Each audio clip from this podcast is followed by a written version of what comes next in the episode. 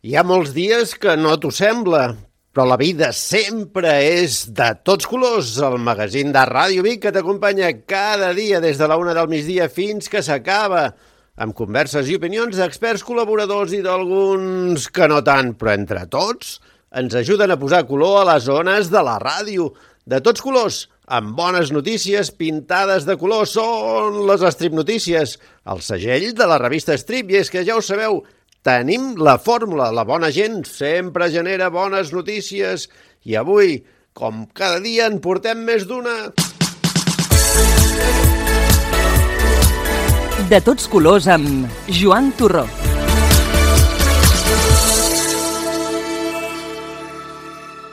El magazín de tots colors, avui hem aconseguit que la nostra unitat mòbil en potes atrapi fins i tot els tractors que estan mobilitzats. On tens, Richard? Doncs sóc aquí a la plaça del Sucre, aquí al Sucre, vaja, amb la colla de tractoristes que estan preparant-se per la manifestació d'avui, suposo. Ara parlarem amb Oriol i l'Oriol ens explicarà. Bon dia, Oriol. Bon dia. Com ho teniu preparat avui, això? Bueno, avui eh, intentarem fer com el dia 6, tornat allà va ser 17 i va ser 25, i bueno, de moment són pocs perquè ha estat una decisió presa a correcuita, però durant el dia ha d'arribar bastanta gent. Jo he vist ara un moment que anaven arribant, eh? Sí, sí, no, van arribant tractors, van arribant companys i al llarg del, del matí acabaran d'arribar la resta de companys. Esclar, perquè per vosaltres, a part de ser un sacrifici fer això, eh, també teniu la vostra feina, no? Correcte, aquí la majoria ens han llevat molt d'hora al matí per, per poder cuidar el bestiar. Jo ara mateix, eh, a corrents i de pressa, abans de venir, he anat a buidar una cuba d'aigua amb les vaques perquè no tenim aigua. Vull dir, tothom tenim els nostres problemes a casa i, clar, llevant a d'hora per poder ser aquí a l'hora que toca i, clar, hi ha companys que al ser una decisió així tan ràpida i, i, i d'última hora, doncs, no s'ho han pogut combinar o suficientment bé. Oita, si m'agafes els cascos parlaràs amb en Joan Torró, que és el periodista que tenim als estudis. Sí, hola. Hola, Oriol. Sé que ho esteu passant malament tots aquests dies, però també sentiu no, l'escalf de la gent de, del carrer. Bueno, sí, uh, la gent ens apoya, la gent envia missatges, la gent hasta fins i tot demana com col·laborar. Hi ha, per exemple, associacions a Barcelona que estan en contacte amb nosaltres per poder col·laborar amb els companys que estan a Mercabarna.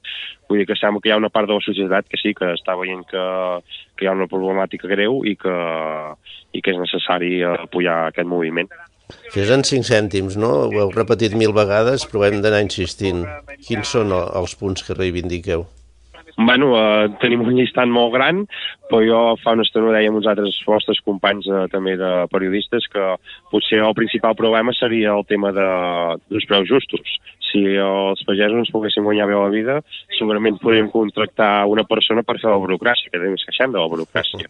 Llavors, principalment és això, els preus justos, uns preus que siguin per sobrepreu de cost, que hi hagi un suficient marge per poder, per poder continuar endavant, i després, bueno, clar, la burocràcia, els temes de, de la sequera, doncs que creiem que l'aigua no s'ha gestionat prou bé, la fauna salvatge també és molt important, eh, ja tenim una, una llei de, de caça que és antiquada, necessitem una llei de caça nova que només amb els caçadors, tot i que fan molt bona feina, potser no hi ha prou per controlar aquestes plagues a segons quines zones.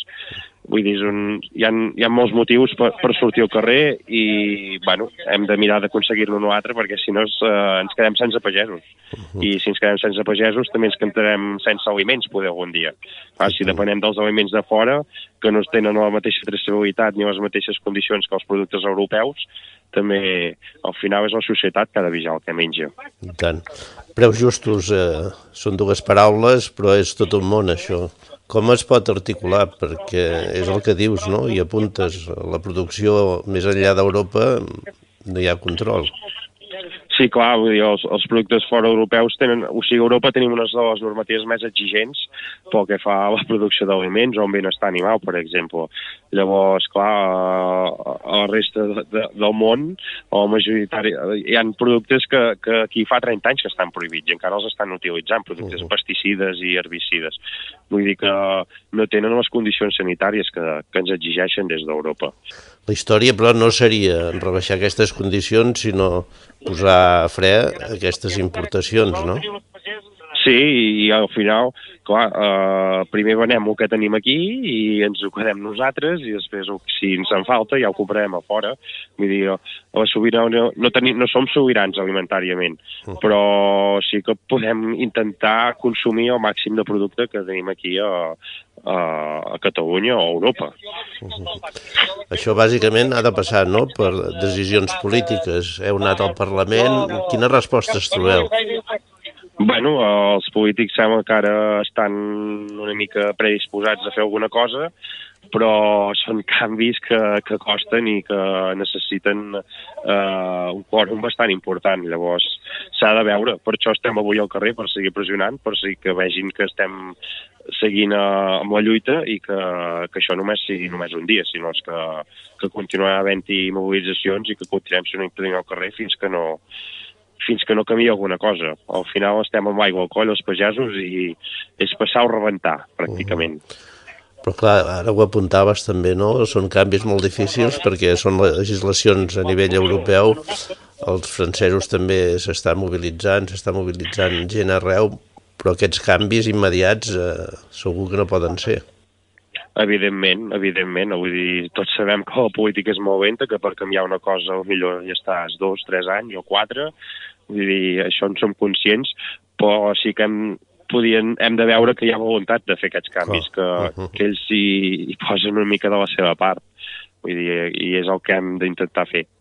Llavors, com veus eh, moviments no? molt partidistes com ara està provocant no? el Partit Popular i Vox, vosaltres també això intenteu desmarcar-vos no? de, de qualsevol marca política. Sí, bueno, al final potser aquest moviment sí que va sorgir de les Espanyes, que sembla que està promogut per l'extrema dreta, però des de Catalunya de seguida ens anem, ens anem desvinculat, diguem-ne. No, no, bueno, en cap moment hem estat vinculats amb aquesta gent, per dir d'alguna manera. Uh, a més a més, ara la plataforma, en comptes de dir-se plataforma 6F com el resta d'Espanya, aquí som plataforma pagesa. Uh -huh. També perquè la gent conegui que, o vegi que, que, no, que no som els mateixos. Vull dir, en cap moment hem tingut vinculació amb aquesta gent i l'únic que sí que vam aprofitar es va, la gent es va animar a sortir el dia 6 perquè va ser aquest boom i també una mica de, en el sentit de oita, ens unim amb els resta de companys de, d'Espanya, de, encara que siguin d'una ideologia que nosaltres no hi creiem, però sí que el, el fet de sortir tots a l'hora potser va veure que és un clam unitari cap a, cap a, cap a les autoritats que vegin doncs, que, que això no, no va com ha d'anar. Aquestes reivindicacions que, que porteu al carrer, fins quan han de durar? Dius que hi han d'haver moviments clars des del món polític, però no penseu a baixar la guàrdia. Bueno, el temps ho dirà. Eh, ara aquests mesos que tenim d'així endavant encara la feina ens permet que, que ens podem mobilitzar de, de l'abril en endavant, no sé, vull dir, potser costarà més mobilitzar la gent perquè és quan hi ha més feina al camp i, i tenim més feina a nivell de a, a la pagesia, diguem-ne. Llavors, bueno, si jo penso que hem d'aconseguir alguna cosa i si no, oita, quan acabem el juliol d'escossetxar, doncs, oita, a l'agost hi tornarem a sortir, si convé.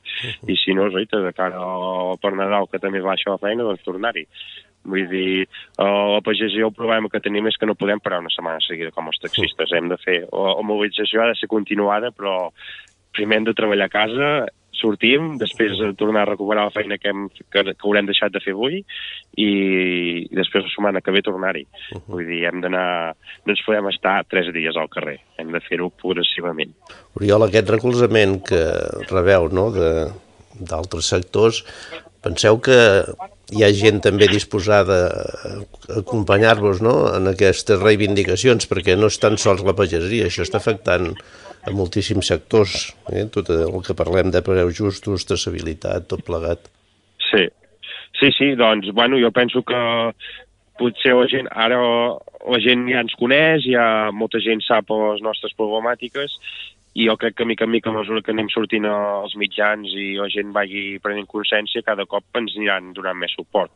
També el problema que tenim és que hi ha molta desvinculació de, del camp a, la ciutat o de la ciutat al camp. Llavors, fins a conèixer, explicar els nostres problemes, penso que és un, un tema determinant per, també per aquesta lluita. Sí, sí, perquè són problemes de tots, eh? Qualsevol sector es queixa del mateix excés de burocràcia, preus que, que no se diuen, salaris que són paupèrrims. Exacte, sí, sí. Vull dir que la intenció és intentar agrupar el màxim de gent possible, ja si la gent creu en la nostra lluita i ens dona suport. Oriol, eh, el món de la pagesia esteu units? Eh, Sí, aviam, és evident que aquí, per exemple, avui som gent de, que, que potser som grossos, gent que potser som mitjans i gent que potser és petita. Uh -huh. Vull dir, eh, ara mateix sí, hi ha una unitat bastant important, eh, penso que hi ha gent amb moltes visibilitats diferents i això també és un gran èxit, que, que podem anar junts a la molta diversitat que hi ha al sector primari. Deixem acabar amb una pregunta obligatòria, no? El tema de la sequera. Com ho podeu solventar d'alguna manera? No sé, si no plou. Uh, no es pot solventar la sequera, vull dir, l'única solució és que plogui. El que hem de ser conscients és que per, per produir aliments necessitem aigua, per fer un enciam es necessita aigua, per fer un quilo de blat es necessita aigua, per fer porc, per fer vedella, per fer pollastre es necessita aigua. Llavors, uh, l'aigua la necessitem sí o sí. Si no, si no hi ha aigua, doncs no podrem produir aliments, o seran molt més cars de produir en aquest cas. Llavors, bueno, esperem que plogui i que, i que això tiri endavant. Perquè qui ha de patir més ha de ser el bestiar, no? Com es pot reduir? Com li pots dir que begui menys? No, no es pot fer. Uh, quan parlen de, de reducció en el que és el meu bestiar, l'únic que pot reduir és en tema de, de neteja d'instal·lacions o aquestes coses, o, o tu bestiar no li pots dir que begui dos litres menys d'aigua. Vull dir, a més a més, que per benestar animal no és, està prohibit. Eh, han, han de tenir a disposició aigua a les 24 hores del dia. És a dir, que és un tema molt complicat, però bueno, creiem que en aquest tema l'administració sí que és conscient que hi ha aquest problema i, i està treballant. Oriol Rovira, gràcies per estar amb nosaltres aquesta estona, eh, molta força. Moltes gràcies a vosaltres. Oriol, ets, una, ets un noi molt jove, no, encara? Sí, bueno, tinc 28 anys. 28 anys, mare meva. I enfrontar-te amb això, eh, perds ànims per seguir o no? No, al final, bueno, som pocs i hem d'intentar anar benvinguts i és que si no hi som nosaltres no hi haurà ningú. Llavors, eh, jo, jo hi crec, que m'estimo la meva feina i és pel que lluito. Veig que també hi ha aquí alguna noia, a part que hi ha els Mossos, els municipals, els tenim tots aquí, eh, i una noia també, que també deu ser pagesa, no? Sí, bueno, de, últimament, de les generacions més joves, hi ha moltes, moltes dones, moltes noies que, que estan, uh, estan treballant o estan al capdavant de, de les empreses agrícoles. Vull dir que això també és... Que no, que no vol dir que no hi hagi... O sigui, sempre hi han sigut, eh, aquestes dones, eh, però potser no eren tan visibles com para. Gràcies, Oriol. Que vagi tot molt bé i us seguirem avui eh, per la televisió, aviam on aneu. I tot el que esteu fent. Moltes gràcies a Si vosaltres. poguéssim, estaríem acompanyant-vos, si fos de peu, eh, a darrere vostre. Va, perfecte, molt bé. Que vagi bé, bon dia. Bon dia. Bon dia. Bueno, què t'ha semblat? Molt bé, fantàstic, l'Oriol ens ho ha explicat molt bé. Sí, sí. I ara hi ha els municipals, els Mossos, i són tots aquí. Estan parlant, no, no els apoyen, eh? No diuen per res de mal, eh? No, clar Només que no. estan parlant d'on es posaran i els Mossos els hi diuen nosaltres estarem una mica més en avall, no els seguirem gaire a la vora, més en, saps? Anaven fent, anaven parlant d'això, saps? Però ara en aquests moments falten tractors, eh? Hi ha pocs tractors, bueno, déu-n'hi-do, eh? Fan goig, eh? Però ja en aquests moments jo et diria que hi ha més policia que tractors. Sí, sí. Però sí, bueno, tenen- tot bé, tot bé, eh? Tot es porta d'aquí, eh? Vull dir, molt maco. Aquesta canalla molt maca, eh? Tots s'han portat molt bé i ara no m'he costat amb ells que em vull fer inclús una foto. O ells tiraven fotos perquè hi ha els municipals i els Mossos. Molt Si bé, no haguessin fet fotos per enviar-te. clar. Eh? Com que ets una estrella, tothom es vol fer fotos al No, no, no, no, no. Les estrelles d'avui aquí són els tractoristes Sí, que sí. fan una bona feina. Eh, ells sí que són estrelles. Sí, home, esclar que sí, perquè el que estan sentit- fent... Sí, sí, t'he Digues. sentit reivindicant que volies anar al costat seu caminant. Aviam si és Sí, veritat. sí, jo seria, jo seria que els... No, jo els seria, no, jo seré. No, jo seria. Home, jo no puc pas anar caminant, ja si m'entens. Primerament perquè seria una cosa que els estorbaria amb ells. Però crec que com jo hi ha molta gent que I ho faria tant, això, i eh? tant que sí. Saps? Jo els vinc de família de, de pagès, m'entens? I aquestes, aquestes històries, doncs... No, no, això Ja se't, veus, ja veus. veu, se't veu, sí, sí. Sí, sí, sí, sí. Però ara vaig a buscar jo el carri al burro i me'n vaig cap a passejar. Vaig al mercat, que és una altra cosa pagesesa, també, eh? I tant que sí. Vaig a fer de masovera del mercat. Molt bé, A més, un Richard. dia molt maco, fa un dia molt maco, estan aquí tots, tots aquí ben, ben parats, estan a punt, em sembla, d'arrencar. Sí, ara estan fent les coordinades allà baix, a la policia i els Mossos, estan fent allà el a veure si no els tenen, però no, no amb ells. I estan quedant d'acord com s'ho munten. Molt bé. Però ja t'ho ha explicat a l'Oriol, a tu. I tant. Doncs Estàs ara, Joan. bé? Ho tens tot a punt? Tot a punt, per què? Home, demà és dimecres de cendre, comença la quaresma. Sí, sí, sí, sí. Eh? La qua- Molt Ho celebres tu, això? Ho celebres? I tant, i tant. Sí. I Jo m'han invitat, invitat a anar a Poblets, però l'any passat hi vaig anar-hi aquests dies també, i resulta que només mengen verdura, fa la quaresma. I vaig passar una gana. només verdura, verdura i verdura, i truites i verdura, i truites i verdura. I, hosti, però, i, saps? Sempre que allà es menja bastant normal, no es menja d'hotel, però vull dir, es menja bé, normal, i aquests dies, doncs, ells, ells celebren això i no, que va, que va, que va. Espero que passi i llavors els diré a veure. Molt bé, Richard, la setmana que ve hi tornem. Molt bé, Joan, que vagi bé. Bon dia a tothom. De tots colors.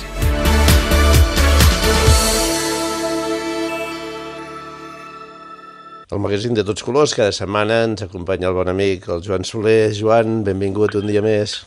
Joan, molt ben trobat un dia més i tots, totes vosaltres molt ben trobades, molt ben trobats. Un dimarts més, encantat. Un ocellet m'ha dit que et va veure per Torelló. Què dius? No eres de Carnaval, no eres tu? No, no, no era jo, però hi havia una representació meva. Una bona amiga de Torelló em va dir, com que visc en un carrer d'aquests que s'omple de carnaval, aquest any vull posar una, un mocador palestí, una gelada d'aquestes així, palestina.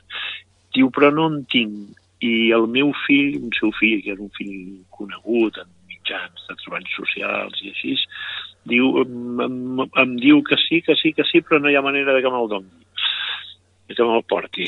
Dic, doncs mira, jo en tinc un, i no li vaig trobar al primer moment, però sí al segon moment, perquè havia refet paquets, i li vaig trobar, i, i sí, sí, di- diu, oh, però i després ara el vull posar fora al balcó, perquè aquests dies enmig de tot el carnaval, carnestoltes, es vegi una bandera palestina, com a mínim.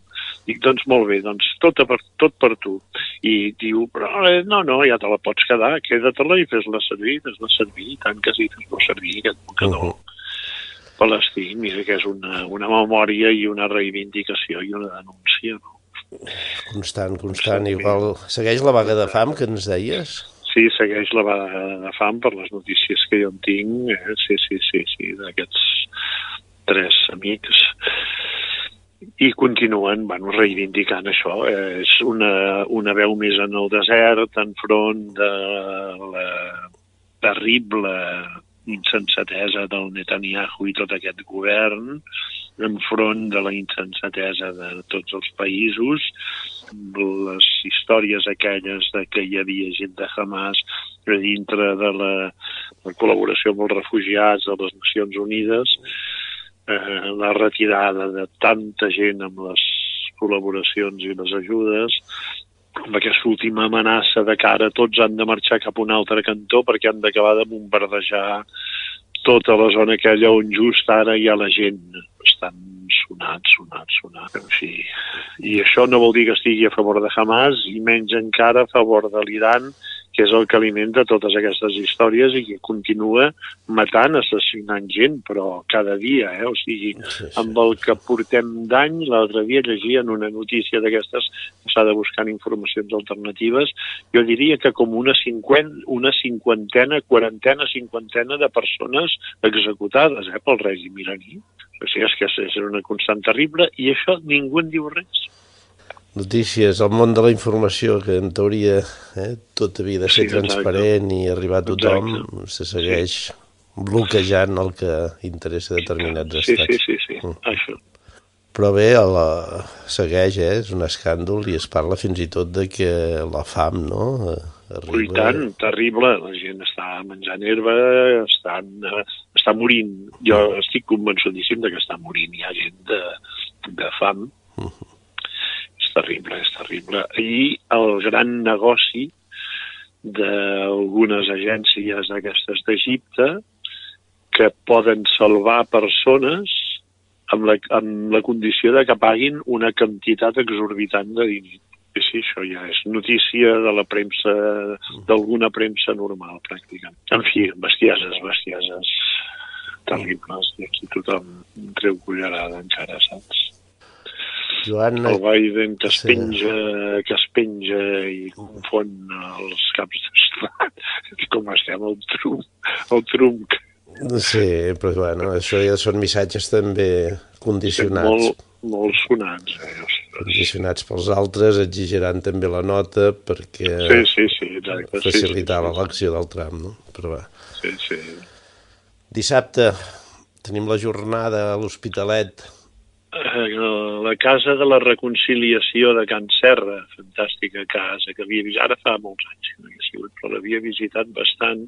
Hi havia uns escolapis d'aquesta marca, d'aquesta congregació molt interessants, un d'ells que hi va estar molts anys, eh, és el Jaume Botei, que ens coneixíem molt amb en Jaume, el Trilla també, un altre esclopi molt interessant, que havia de ser molt grandet, més grandet, bastant més grandet que jo, bastant, bastant no, però més grandet que jo, i van fer un espai de, de, de trobada, de reconciliació, de trobada veïnal, de celebració cristiana. I es fa aquest dematí, el dematí del dissabte, com tu em vas corregir tan bé el dissabte passat, hi ha la xerrada aquesta del José Fernández, que és un home molt interessant, i que ha treballat i continua treballant moltíssim. És un referent en tot el treball de moviments socials de Brasil, el Dominic un... I després hi ha aquella taula rodona on hi ha mujeres migrantes, el sindicat de manters, que estan treballant i funcionant molt bé, sol racisme, que ja el coneixem, i la Florida Sabaïna, que jo no ho coneixia, però fa la impressió de que és alguna cosa de, de aquell mena de, de petit poble eh, que deu haver-hi alguna associació de veïns o, o d'aquest barri de Barcelona que estan treballant el veïnat amb, col·lectivament, per dir-ho d'alguna manera. No? Uh -huh. Amb aquest títol de, de colonitzar el món i la vida, que no ens colonialitzin, que no ens mengin el, el, el tarro, que no ens mengin el cor, i que puguem anar descosint, com diu el subtítol, la història, i trobar una nova manera de cosir-la amb aquest fil. Jo crec que és un moment de trobada interessant. Si algú està interessat pot entrar a la plana de la Fundació Pere Casaldàliga o també a la plana del llegat de Jaume Botell. Crec que serà interessant. Aquest any han fet aquest, eh, aquesta nova forma d'un matí normalment buscàvem un lloc o altre per poder dinar i continuar a la tarda i aquest any ha quedat més concentrat al matí i és un assaig i jo crec que serà interessant, que serà bo, serà bo. Uh -huh. De 9.30, arribada d'inscripcions fins a la 1, tancament i brindis final. O brindis final i tancament. Joan, eh, Sí. aquests dies els mitjans, si més no de l'Estat, eh, estan no, donant notícies i notícia també sobre aquestes eleccions eh, a Galícia. Com les veus des d'aquí? Clar, jo tinc la impressió, aquí també hem tingut uh, unes quantes històries lletges, però tinc la impressió de que a Galícia els poders fàctics encara han manat i manen molt més que aquí. Poders fàctics vol dir grans empresaris, eh, gent no gens recomanable del món aquest, és un dels llocs, com, com ho és el sud, d'entrada i sortida de, de substàncies tòxiques. I hi ha uns poders fàctics molt grossos i jo crec que en tot això hi ha aliances amb gent que per interessos político-econòmics estan ficats dintre del PP. No vol dir que en els altres partits no hi hagin històries, no? però jo crec que seria un pas important que deixés de, eh, el PP deixés de colonitzar Galícia amb tantes històries, a més a més això com han aparegut de corrupció, de desfetes a les platges, a la mar, etc, tota una colla d'històries que es poguessin anar plantejant altres maneres i altres sistemes que donguessin pas a una renovació d'aspectes d'una societat que jo eh, la sento eh, sobretot això, en, en el que és una gran part de Galícia, que és tant la costa com a l'interior l'àmbit de pagès, per dir-ho d'alguna manera. No? La ciutat suposo que hi ha molts àmbits molt diferents i justament potser des d'aquí es pot fer algun tipus de renovació que no sigui la de nosaltres, que ens hem convertit en molt urbanites i ciutadans i ens carreguem la pagesia, com estem mm. sentint i ressentint aquests dies, i ens hauria de fer vergonya i hauria de fer vergonya als governants, però sí que sí, un canvi, un canvi d'orientació amb tota una colla de coses. Sí. Uh -huh. El que passa que, bueno, això està passant a molts territoris, no? Sí, Primer sí, semblava clar. també que les esquerres podrien anar més o menys juntes, però de seguida ja surten divergències. Sí, interessos, sí, noi, sí, sí. Interessos, interessos són terribles.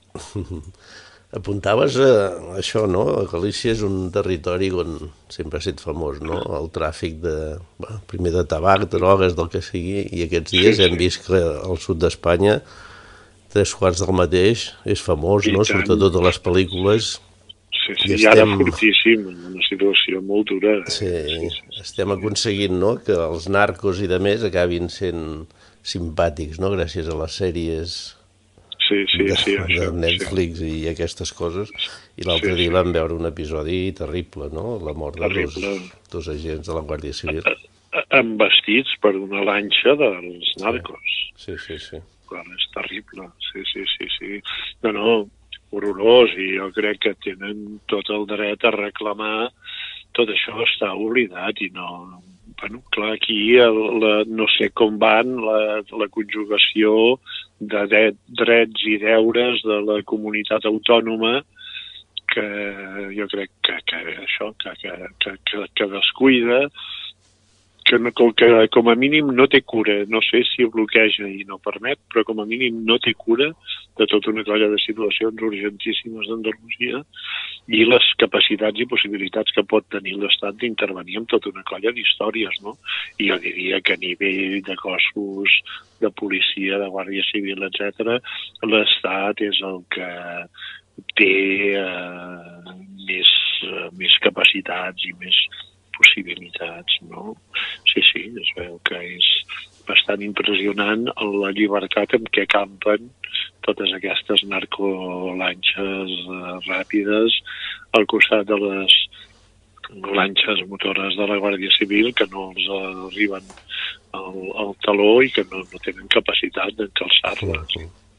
En fi, tota una colla d'històries d'aquestes, no? jo penso que, que no, no, no pot ser, no pot ser és una bestiesa, no? És una bestiesa i de mica en mica jo crec que, que això, eh, que un país com el nostre, eh, des de diferents àmbits i, i des de diferents llocs, el joc de màfies bastant poderoses i bastant importants cobra espai, guanya espais justament al costat de, de tota una sèrie de, de carregar-se sense sentit això, tota una colla d'aspectes d'institucions que, que, que no són les millors però que, que són eh, importants i necessàries, no? començant això pel govern eh, estatal, pel govern eh, autonòmic, en fi, pel que sigui, que el que s'ha de fer és exigir que, que responguin i que treballin i que, i que solucionin, clar, aquesta segurament és una reflexió fàcil, no? perquè es queixen de manca de recursos. Potser els hi diríem que si no se'ls gastessin amb tonteries a Catalunya, potser en tindrien més.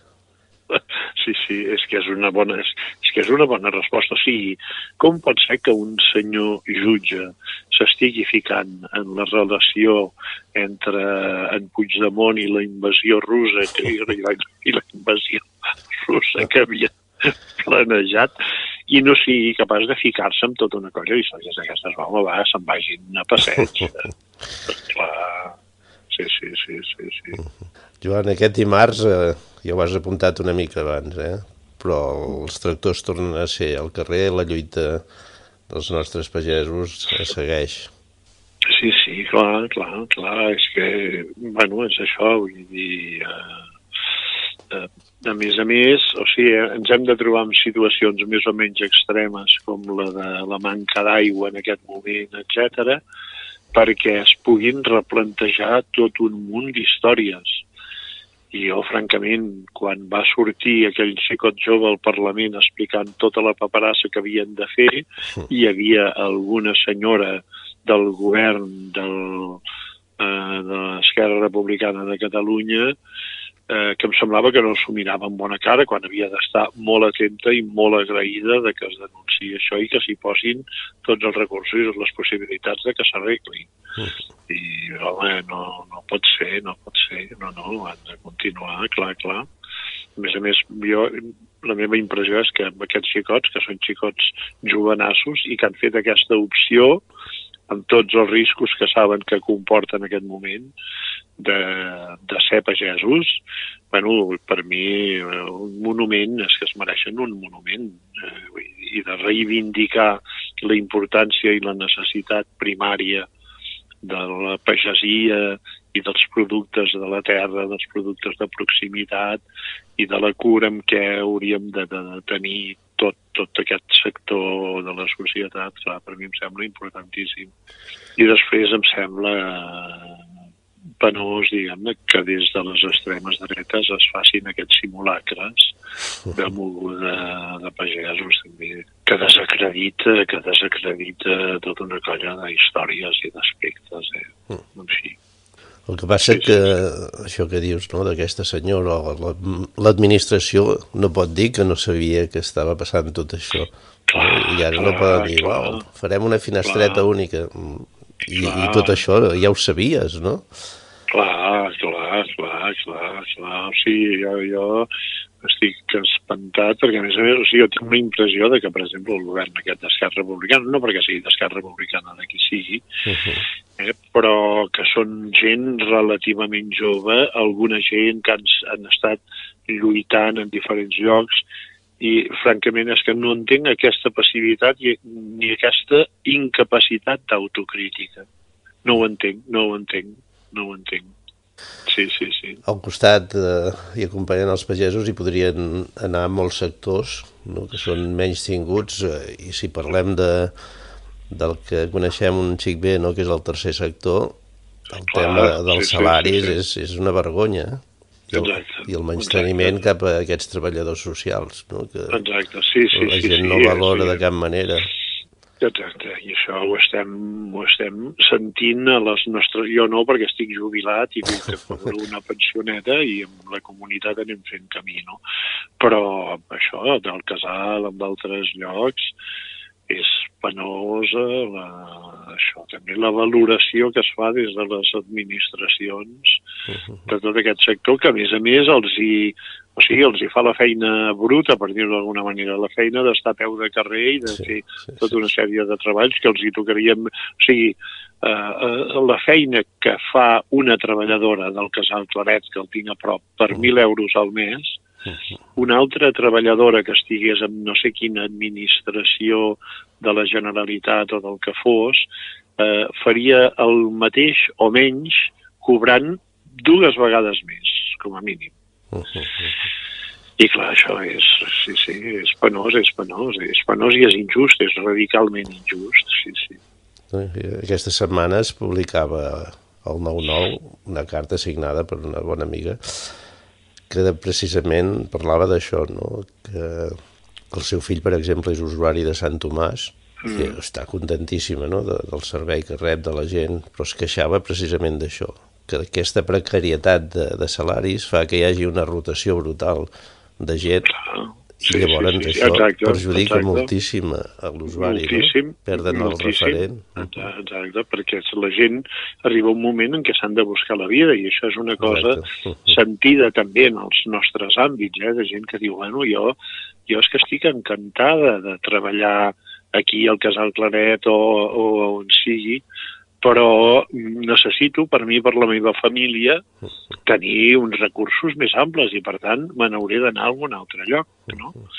És ben bé el que, el que dius, és que és així, no? Mira, precisament ahir vaig tenir el gust d'anar a dinar aquest restaurant que han obert des de Sant Tomàs, Sí, allà sota del tanatori, sí. Eh, uh I vaig anar amb una amiga precisament que té un fill que està treballant allà, que té, això eh, és un, una, una, això, un, uns nivells mínims, però amb molta capacitat eh, de, de treball, de serietat, d'implicació, i per mi va ser un gust, va ser un gust veure que hi havia molta gent, que el restaurant estava molt ple, va ser un gust veure que el, el menjar estava molt ben fet i els postres no diguem que eren mousse de xocolata. I va ser un gust poder eh, estar això en contacte amb tota aquesta colla de nois i noies que estan fent d'homes i dones que estan fent un treball professional impecable, no?, entre tots. No, no, de, sí, sí, realment. I ja els hi vaig dir que us felicito, és la primera vegada que vinc, però tornaré, eh? això és una amenaça, tornaré.